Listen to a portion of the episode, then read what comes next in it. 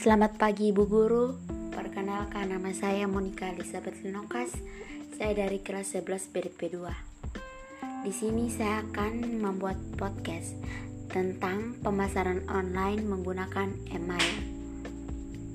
Yang pertama, mengenai email. Email adalah singkatan dari electronic mail atau surat elektronik.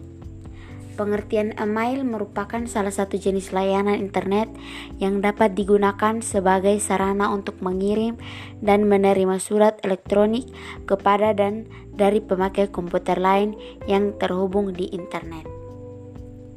Sebuah alamat email terdiri dari dua bagian yaitu user ID dan domain ID atau hostname. User ID terletak di sebelah kiri tanda yang menunjukkan identitas si pemilik email.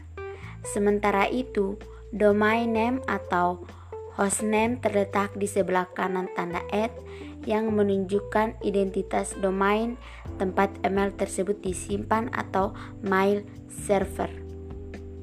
Bentuk dasar mail address adalah nama at host address.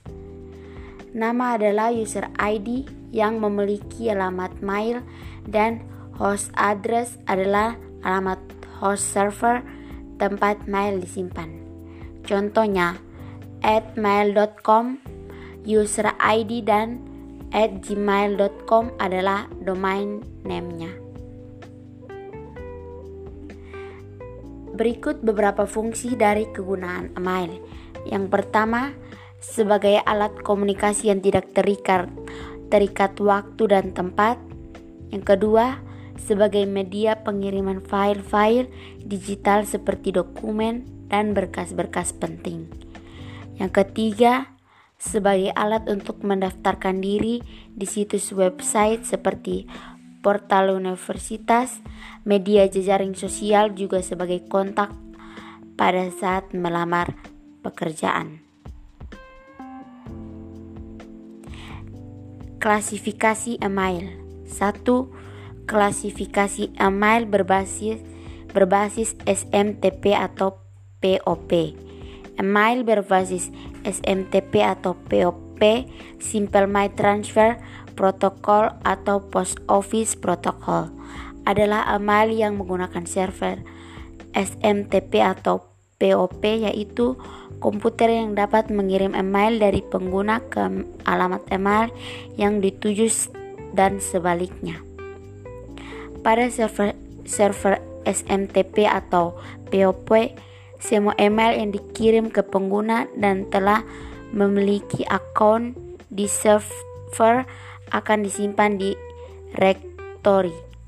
Yang kedua, klasifikasi email berbasis web. Email berbasis web berada berbeda dengan email berbasis POP.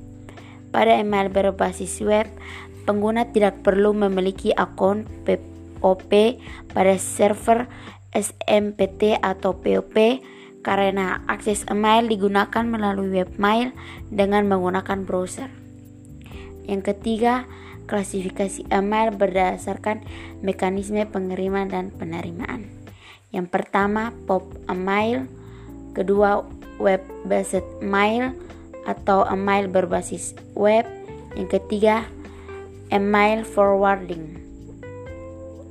Dan yang keempat dari klasifikasi email adalah klasifikasi email berdasarkan segi format isi.